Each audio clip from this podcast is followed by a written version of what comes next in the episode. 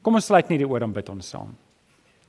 Vader, ons kom dankie net weer in die wonderlike naam van ons Here Jesus Christus dat ons ver oggend weer ons Bybels kan oopmaak en kan lees en Here die woord kan bestudeer en veral rondom hierdie spesifieke onderwerp, Here, van hoe ons as Christene met die internet behoort om te gaan. Wil ek kom vra dat U die Gees in ons harte sal werk. Here, dat niks wat ons doen, Here, in ons lewe, by die huis, by die werk, Here, of dit nou op die internet, op Facebook, WhatsApp of waar ook al is, U in ons getuienis in diskrediet sal bring nie.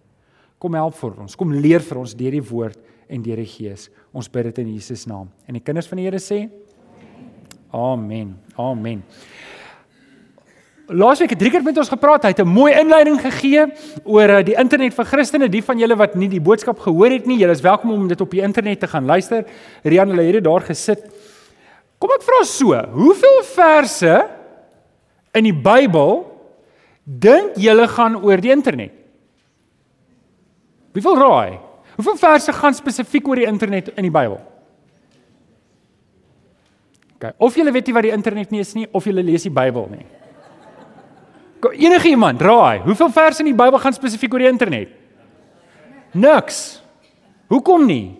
Want die internet het daai tyd nie bestaan nie. OK?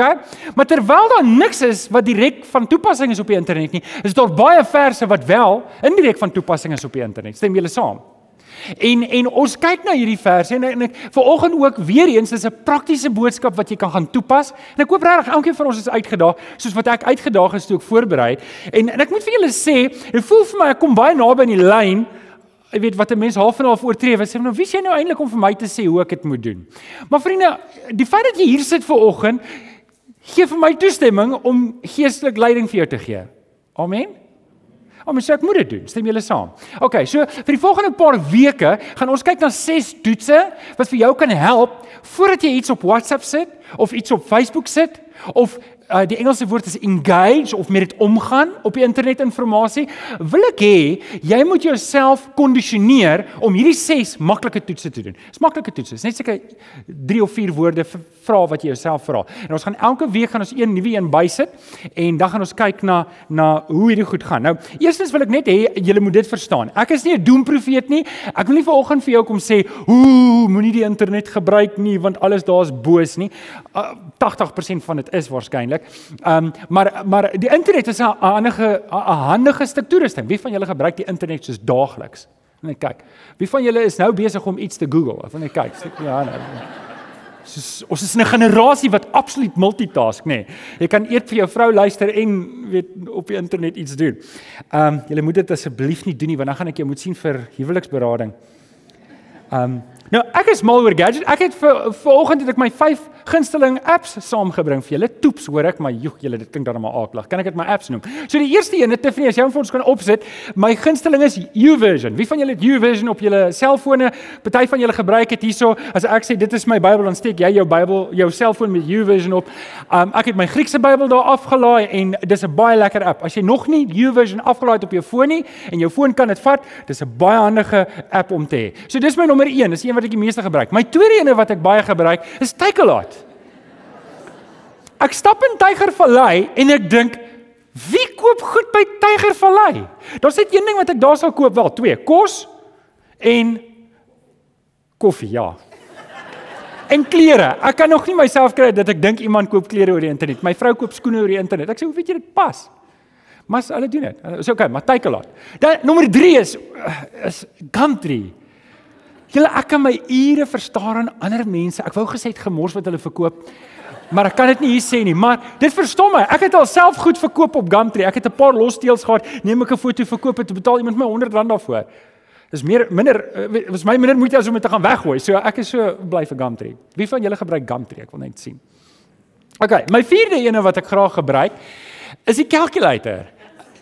Ek het altyd 'n kalkulator in my sak. Hoe wonder ek, wie van julle hou ook daarvan om heeltyd iets uit te werk? Jy's altyd besig. Tel hoeveel borde is hier in die dak as die preek boring raak en dan, o, hier is 87 borde. Daar is nie, ek het dit nie getel nie, ek bedoel maar net.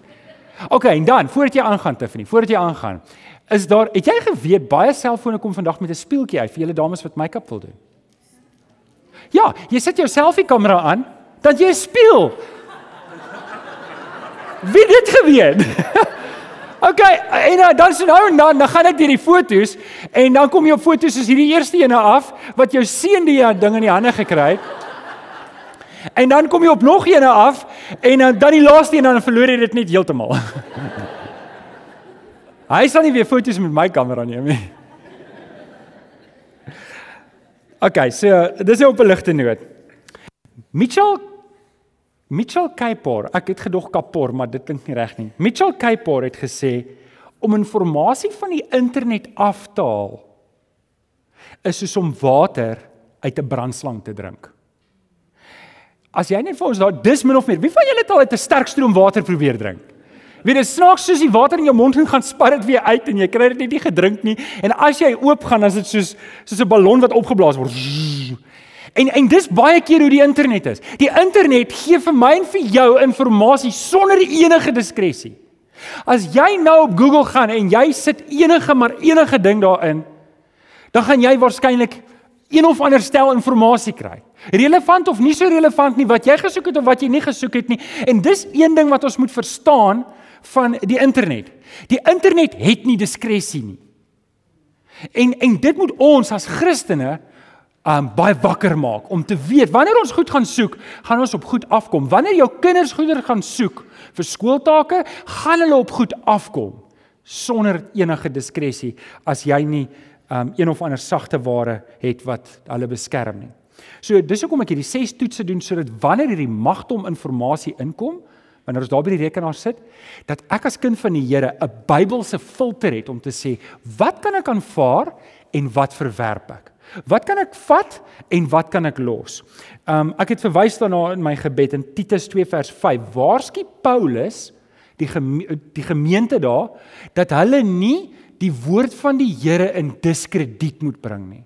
En weet julle dis baie maklik vir ons as kinders van die Here om inligting wat ons op die internet kry te versprei en so die Here sy woord en my getuienis in diskrediet te bring sonder dat jy bedoel het om dit te doen. Ek praat nie nou van moedswilligheid nie. As met moedswilligheid is die sonde in itself is moedswilligheid. Ek praat van mense wat net nie weet nie en onkundig is. En dis hoekom ons hierdie 6 toetse gaan doen. Matteus 10 vers 16 sê Jesus vir sy disippels en ek wil dit net so oomblik vir jou lees en ek hoop hierdie woorde sink in by jou. Matteus 10 vers 16 sê Jesus vir sy disippels hy sê: "Wees versigtig soos slange en so opreg soos duwe."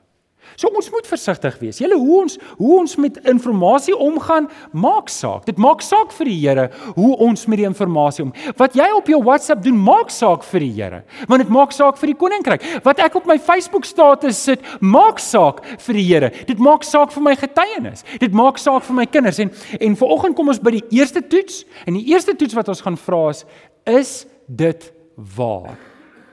Dis nie die enigste toets nie. Dis net die eerste toets. Met dit in gedagte, lees saam met my in Filippense 4, lees ons saam vanaf vers 2. Nou, hy's besig met sy persoonlike woorde en hy noem name van mense wat in die gemeente is en hy moedig hulle aan met spesifieke woorde. Hy sê ek vermaan vir Judea en ek vermaan van Sintige om eengesind te wees in die Here.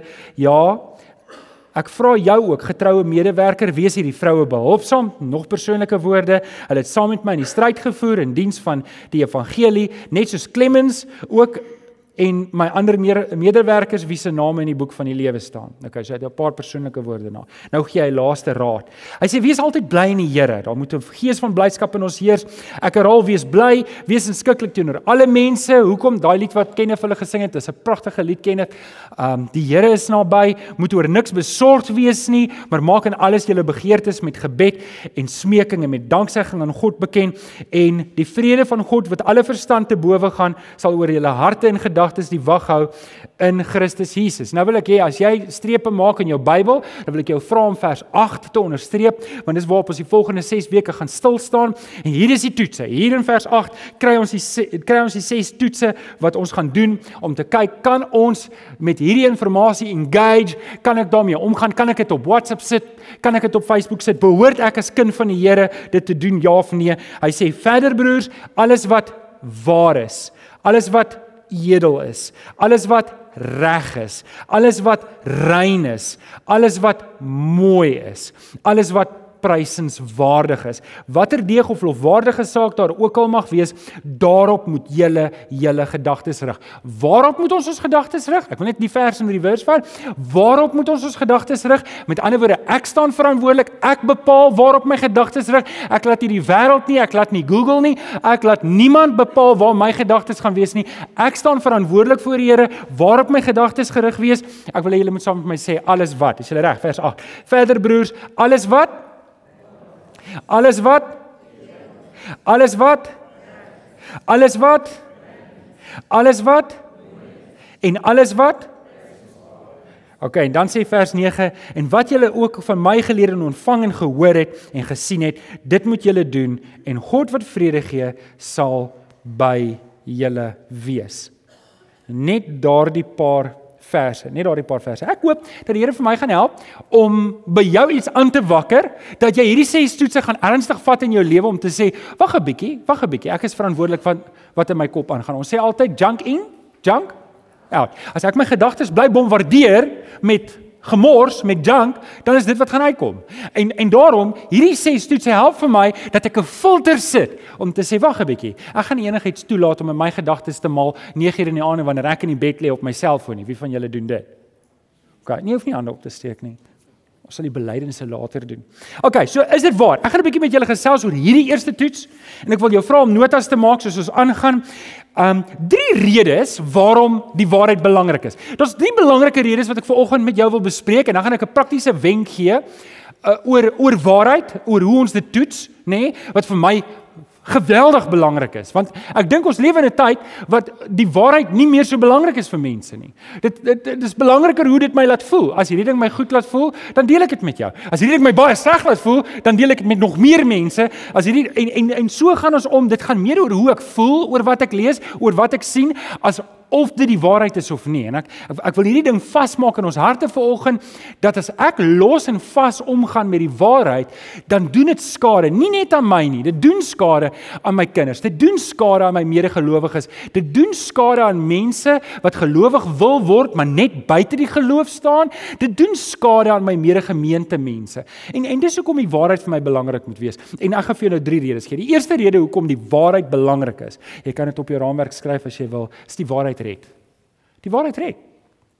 Dit moet belangrik wees want dit red. Johannes 8 vers 32 sê Jesus vir hulle vir die disippels, julle sal die waarheid ken en die waarheid sal julle vrymaak. Julle sal die waarheid ken en die waarheid sal julle vrymaak. Nou, kom ek kom ek gaan dit gou-gou eers want ons gaan nou-nou nagmaal gebruik en ek wil jou nooi al is jy nie 'n lidmaat van hierdie gemeente nie, as jy vanoggend hier sit en jy's 'n kind van die Here en jy's werklike gelowige, is jy welkom om saam met ons nagmaal te gebruik. Ons het 'n oop nagmaaltafel en um, as jy as jy jy hoef nie 'n lidmaat te wees nie. En ons gaan nou-nou weer kyk na daai vers, maar ek ek wil dalk net dit sê oor die waarheid. Die waarheid wat hiervan gepraat word in hierdie vers is die waarheid rondom Christus Jesus. Dis die evangelie. Die evangelie van Jesus wat aan die kruis gesterf het vir my en vir jou sondes en die vers wat ons so graag aanhaal in Johannes 1 vers 12 aan almal wat hom aangeneem het, die wat in hom glo, het hy die reg gegee om kinders van God genoem te word. Dis die waarheid. Dis die waarheid. En vriende, elke knie sal buig, elke tong sal bely dat Jesus die Here is. Amen. Amen. So dis die waarheid. En nou kan jy dink van Johan, nou hoekom kry jy so lyne? Jy, jy praat nou hier van waarheid wat oor Christus gaan en nou praat jy oor algemene waarheid, want dit is nie dieselfde waarheid nie. En en ek gaan nou daarby uitkom. Ek wil vir julle 'n storie vertel van 'n predikant vriend van my. Kom ons noem hom Dominee Jacques. Kan ek hom Dominee Jacques noem? Sy naam is nie regtig Dominee Jacques nie, so asseblief moet nou nie om gaan soek wie is die Dominee Jacques nie. Um ek het 'n predikant wat 'n geweldige indruk op my lewe gemaak het toe ek gestudeer het. Um hy was dis nie in Suid-Afrika nie, hy's in 'n ander land en ek lees graag sy boeke. En hy, en hy het 'n groot invloed gehad oor hoe ons hierdie kerk bou. Om die waarheid te sê, 'n groter invloed het hy op my lewe gehad as wat Bloemfontein en Domie Jakob gehad het. Nou Domie Jakob lees ook sy boeke en so ek lees sy boeke ek want Domie Jakob is my mentor. Net vir julle sê hoe ons op die ding uitkom. En eendag as ek op Facebook besig om koffie te drink, nê, nee, lekker rustig en en besig om frustreerd te wees want baie van die goed wat daar kom is regtig net nonsens. En dan wonder jy jouself na 15 minute, nou hoe kyk jy die goed? Jy het mos 'n keuse, maar nog steeds, dis dis so verslawend. Jy sit daar en jy kyk en kyk en kyk en kyk. En ek drink 'n koffie en ek kom op hierdie ding af. Dis hierdie predikant se gesig wat geëdit is op 'n op 'n wolf wat 'n ska, skaapvel jassie aan het. En die paus sê toe iets van hierdie predikant sê Jesus is nie die weg en die waarheid en die lewe nie. Hierdie predikant is 'n skaap, as 'n wolf in skaapklere. En ek is dadelik ontstel. Julle, ek het amper my koffie verstik. En en en en, en julle party mense stel hulle self as 'n polisiemanne. Wie van julle doen dit? Jy weet, so as iemand op 'n parkering staan wat bedoel is vir mense wat ehm um, handicap, ehm um, gestankie, gestremd is, dan dan wil jy dan wil jy dan neem jy 'n foto en jy sit dit op Facebook. Ek doen dit daarom nie. Maar ek het al 'n paar keer gedink ek wil. Maar so ek is ek is 'n internetpolisie man. As ek sien iemand is op 'n plek wat nonsens praat, dan laat ek hom weet. So ek bel hierdie predikant. Ek sê vir hom, hoorie, um in hierdie boek wil ek jou net gou-gou sê wat jy na verwys, word dan die eerste 4 hoofstukke nie minder as 12 keer verwys dat Jesus die redder is nie. En um maar hy verfies homself vir my. Hy verfies hom regtig vir my en hy sê vir my, "Man, dit maak nie saak nie. Ek hou nie van hom nie." Nou, wil jy net gou-gou daai volgende foto opsit? Ek wil net vir julle wys hoe toets mense bron. As jy bron toets, as jy dink share, sien julle daai is die video van die Gideons wat ons opgesit het. Net so op die kantlyn kan ek gou-gou 'n breek vat, 'n commercial breek. Die video is amper 140 000 keer gekyk. Dis die video van ons laas jaar se oorlog oor reeks oor die oorlog. Onthou die video wat ons gemaak het? Um iemand het hom gedeel en hy het soos 'n veldbrand versprei teruggekom na my toe en ek het hom weer gedeel. Nou julle sal sien daar's 'n ou Wiki Pelser of iets soos dit. Hy's 'n polisieman in die rand. Hy het die ding so ver uitgevat. Maar ek wil net vir julle wys, as jy 'n post maak en jy share dit van iemand anders, vergewe die terminologie, dan kan ek sien van waar af dit kom. En as jy op daai ene klik, dan gaan jy na die oorsprong toe gaan. So wat ek te doen is, ek vat nou hierdie post en ek klik op dit en ek gaan toe terug en en daar wys dit is 'n dis 'n voluit ateïstiese site wat eintlik moeite doen om predikante verdag te maak. En ek sê dit vir hom. En dit maak nie eers vir hom saak nie. Sê ag wat weet ek hou nie van die predikant nie. En en dit het my dit het my bietjie gegrief dat mense nie omgee wat die waarheid is nie. Hulle gee net om hoe hulle voel oor die waarheid. Verstaan julle wat is die punt wat ek probeer maak? Nou, hier is die probleem. Hier is die probleem want julle sê ons het nou twee stelle waarheid. Ons het die waarheid oor die Here Jesus en ons het die waarheid wat algemene waarheid is. Nou hoor hoe gaan hierdie lyne nou kruis. As ek as as as jy by my kom en ek doen besigheid met jou. Maar ek gee nie om om vir jou te lieg nie. Dink jy dit sal skade doen aan my kredietwaardigheid in die kansel? As ek vir jou blaatant lieg in jou gesig, sal dit sal dit sal dit skade doen my kredietwaardigheid. Wie van julle sal oorweeg om nie verder na my te luister nie? Dit was my probleem met hierdie predikant. Dat hy gee nie om om iets wat ooglopend 'n leuen is te versprei nie. En op 'n Sondag wil hy op die kant sal staan en preek en hy en hy en hy en hy verkondig dan die waarheid daar. En vriende, dis nie net waar van predikante nie, dis waar van elkeen van ons. Elkeen van ons versprei die waarheid. En as ek nie omgee of my WhatsApp en of my Facebook die waarheid verkondig of nie verkondig nie, hoe gaan iemand as en julle mense is nie dom nie. Weet eh, as ek ongelig is, almal is nie oningelig nie. As as as iemand agterkom maar jy is besig konstant verkeerde goed wat nie waarheid is te versprei nie, net soos wat ek gaan mense van ons almal begin dink, maar Hierdie ou gee nie eintlik om oor die waarheid nie. So die waarheid is belangrik want die waarheid red en ek en jy dra die reddinggewende waarheid. Ek en jy dra die waarheid oor die Here Jesus. Dis waar die nagmaal gaan. Ek en jy verkondig dit. En as ek en jy nie kons consistent, konstant wat wat's 'n mooi Afrikaanse woord vir consistent. As ek en jy nie die heeltyd aanhoudend en konstant consistent die waarheid aaneenlopend deurlopend daar sê. Jogg, jy kan nou sien hoe sukkel ek. As ek nie deurlopend die heeltyd seker maak die goed wat ek uitkommunikeer na buite is die absolute waarheid nie, dan verloor ek die reg om Christus te verkondig. Nie omdat ek dit nie kan mag doen nie, maar ek kan nie. My kredietwaardigheid is daarmee. So dis die eerste ding. Ons moet by die waarheid bly. Moet die waarheid toets elkeen van ons.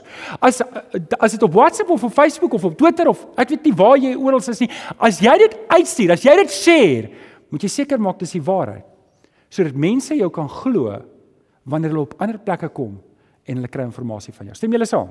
So die waarheid red, nommer 2. Nommer 2, die waarheid red. Die waarheid lei. Die waarheid lei. Soos gee leiding. Um Paulus skryf in Titus 1 vers 1 en en hy skryf vir Titus hy sê ek het die opdrag ontvang om die uitverkorenes, dis die medegelowiges van God te lei tot die geloof. So wat moet hy doen is hy moet hulle lei. Hy moet hulle aanvat en hulle vat tot by die geloof. Hy sê ek moet hulle lei tot die geloof en tot kennis van die waarheid. So ek lei hulle tot 'n geloof, ek lei hulle tot kennis van die waarheid en dit lei tot die diens van God. Nou julle weet een van die verse wat ons baie lief is vir die 1 Korintiërs 11 vers 1. Volg my voorbeeld soos ek die voorbeeld van Christus Jesus volg. Nou wanneer ons inligting uitgee, dan lei ons mense. Daar's jong gelowiges wat my en jou dophou en dit wat ek en jy doen, hulle volg dit. Hulle volg dit. Nou ons het al baie gepraat oor ouerskap en kinders, maar dit is ook op jong gelowiges van toepassing. Nou, ek weet nie of julle al gesien het, party mense ge, weet ons gebruik nie regtig Twitter nie, nê. Nee. Twitter voel vir my soos 'n Amerikaanse ding. Niemand van ons, ek is daar op Twitter en dan koppel ek maar my Facebook en Twitter. Elke keer as ek iets op Facebook sit, gaan dit op Twitter. En dan dink ek, wat is die nut van Twitter? Maar party van ons gebruik WhatsApp soos Twitter weet as daar iets gebeur dan is dit soos 'n soos 'n veldbrand. 700 mense word gebroadcast. En en so wie van julle kry wie van julle is op meer as een groep? En luister as jou WhatsApp is in die aand gaan jy nie slaap nie wie, wie van julle voel partykeer so? Is dit net ek? Ek het my WhatsApp heeltemal gemute want dit is net te veel. Dis soos information overload. Het julle al gehoor van die term unintended consequences unintended consequences is wanneer ek 'n ding doen, ek het nie 'n spesifieke rede daarvoor of 'n doel daarmee nie, maar die implikasie daarvan speel op 'n manier uit soos wat ek nie verwag het nie.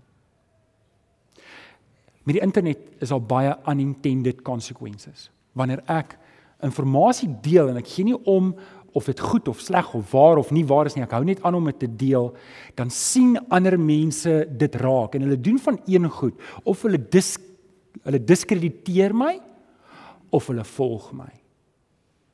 Of hulle sê nee man, hierdie ou weet nie waarvan hy praat nie of hulle doen wat ek doen.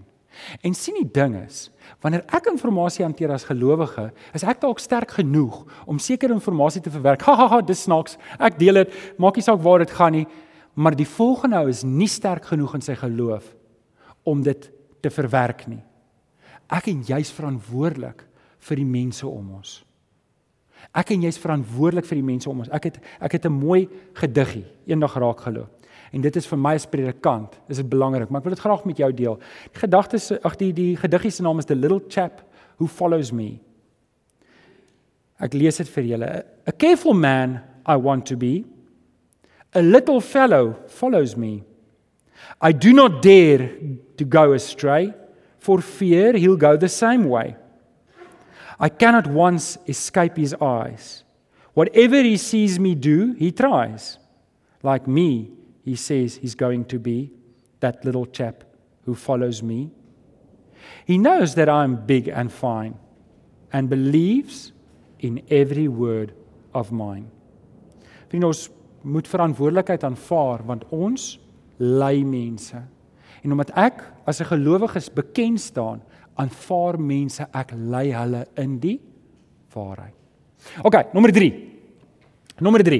Die waarheid bewaar. Dis 'n nogal interessante ene hierdie wat ek nou met julle wil deel. Die waarheid bewaar. In Romeine 1:24 tot 25 staan daar: "Daarom gee God Hulle, dis 'n mense in vers die vorige verse praat hy van al hierdie horribale horribale sondes wat die mense doen en en nou nou nou nou vertel Paulus hoe het hierdie mense in hierdie sonde beland.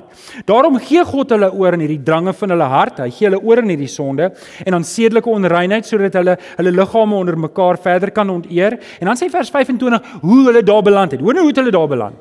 Dit is hulle wat die waarheid van God verruil het vir die leuen. Nou, nou Paulus praat hier van ongelowiges. Hy praat nie van gereddes nie. Hy praat van ongelowiges wat op 'n stadium gekom het en die waarheid verhuil het vir die leuen.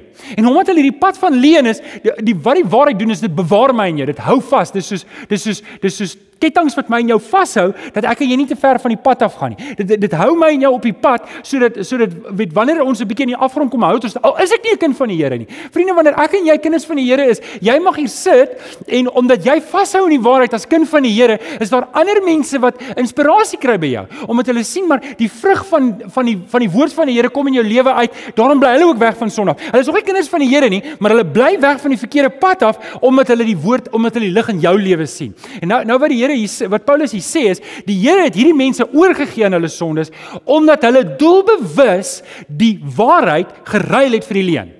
Nou is daar geen meer beskerming vir hulle nie. Wanneer ek besluit, hoorie, hoekom hou hierdie ding my vas? En ek het ek het julle al vertel van 'n vriend van my, hy's hy's 'n ongelowige, maar uh, hy was nog al die jare ongelowige en op 'n stadium toe sê hy, weet jy wat, ek gaan nou niks te doen met die kerk nie. Ek is 'n ateïs. En jy lyk baie vinnig het hy in dwelms verslaaf geraak, hy het sy vrou gelos, baie vinnig het hy sy werk verloor. Want weet jy wat gebeur?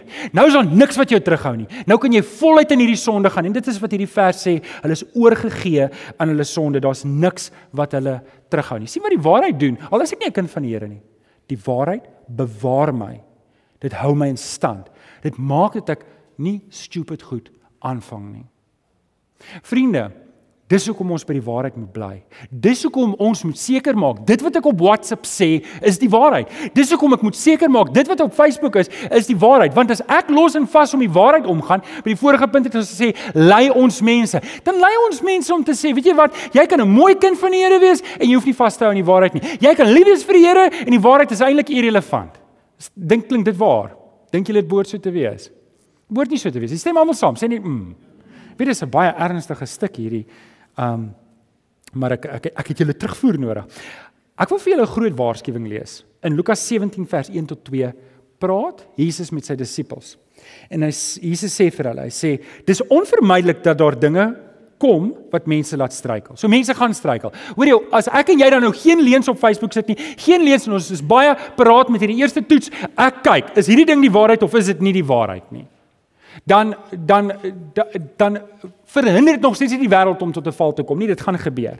Maar ellende wag vir die mens wat die oorsaak daarvan is. So 'n mens kan eerder met 'n groot klip aan sy nek in die see gegooi word as wat hy vir een van hierdie kleintjies se struikelblok word. So Jesus praat spesifiek daar van die kinders. So vriende, ek, ek wil hê julle moet hoor vir die Here, vir die Here Jesus is dit belangrik dat ons moet bly by die waarheid. Die waarheid moet vir ons belangrik wees. Die waarheid moet vir ons belangrik word om te sê wat ek doen op die internet, wat ek versprei op YouTube of op Twitter of op WhatsApp of op Facebook, dit moet die waarheid wees. Nou oké, okay, ek gaan vir julle 'n praktiese wenk gee.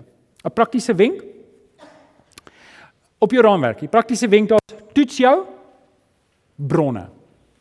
Toets jou bronne en dan um gaan ek vir julle dalk 'n nuwe terminologie leer. Pas op vir FOMO. Wie van julle weet wat FOMO is? Klink nie so 'n mooi woord nie, nê? Nee.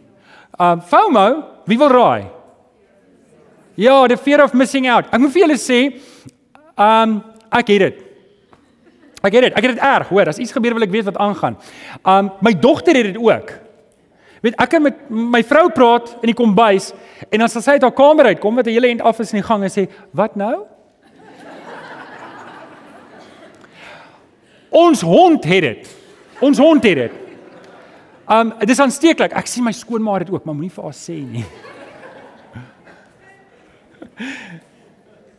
So FOMO is the fear of missing out. Dit is dis jy's bang jy mis iets uit, so jy moet oral wees en jy moet die inligting eers kry en jy moet nou kom ek kom ek sê net, het jy vir my die het jy vir my die prentjie van die haai, het jy vir my die prentjie van die haai te vind? Wys vir my die prentjie van die haai. Ek wil net vir julle gou 'n paar goed sê wat nie waar is nie. Daai foto's sien julle oral op die internet word versprei as the National Geographic's photo of the year. Wie van julle het dit al gesien?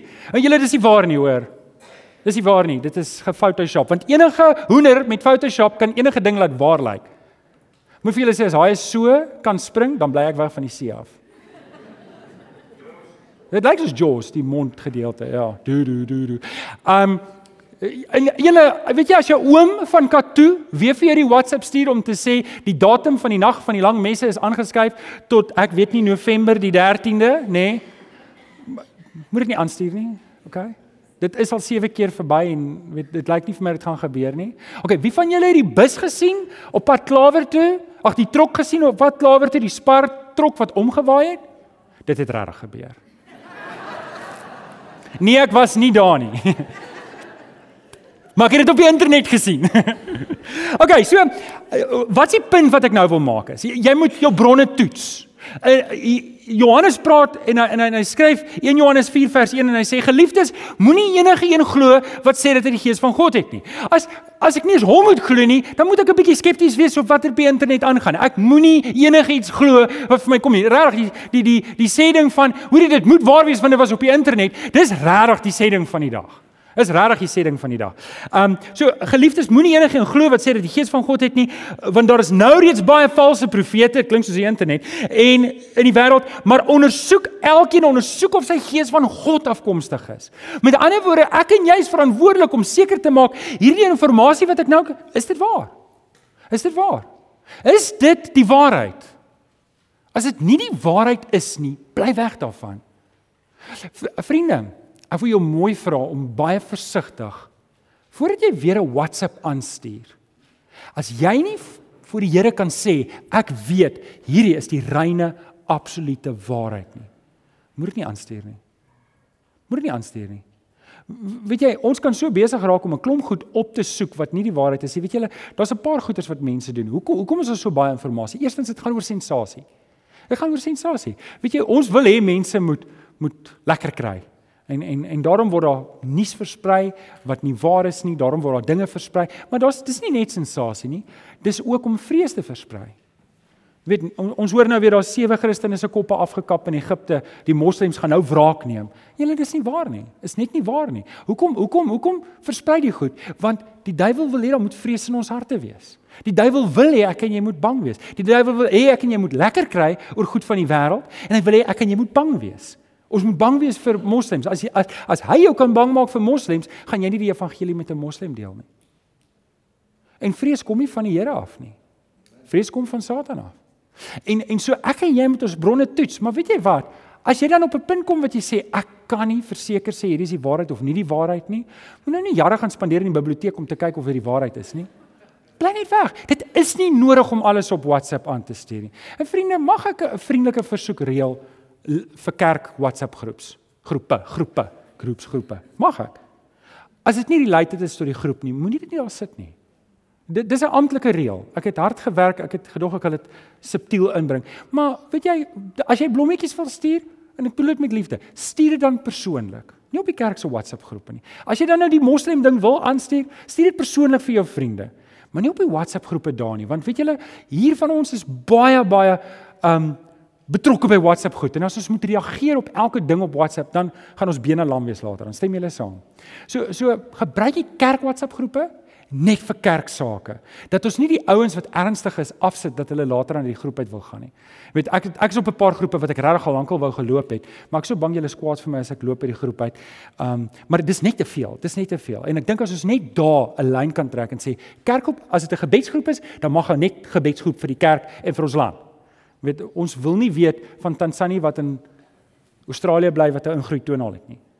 Dis net te ver. Weet jy, ek kan vir my persoonlik stuur, ek sal saam met jou bid, maar ons het nie nodig om almal in die kerk te weet daarvan nie. OK, so julle verstaan wat ek probeer sê. OK, ek gaan nou hier stop. Ek gaan nou hier stop. Eh, ek dink as ek as ek kan afsluit met hierdie een gedagte, as ek hierdie toets of dit die waarheid is. As ek een laaste sin op kan sê, as jy nie kan bevestig of dit die waarheid is nie, bly weg, verwerp dit, moed dit nie aanstuur nie. Is dit reg? Kan ons dit so doen? Dis die eerste toets.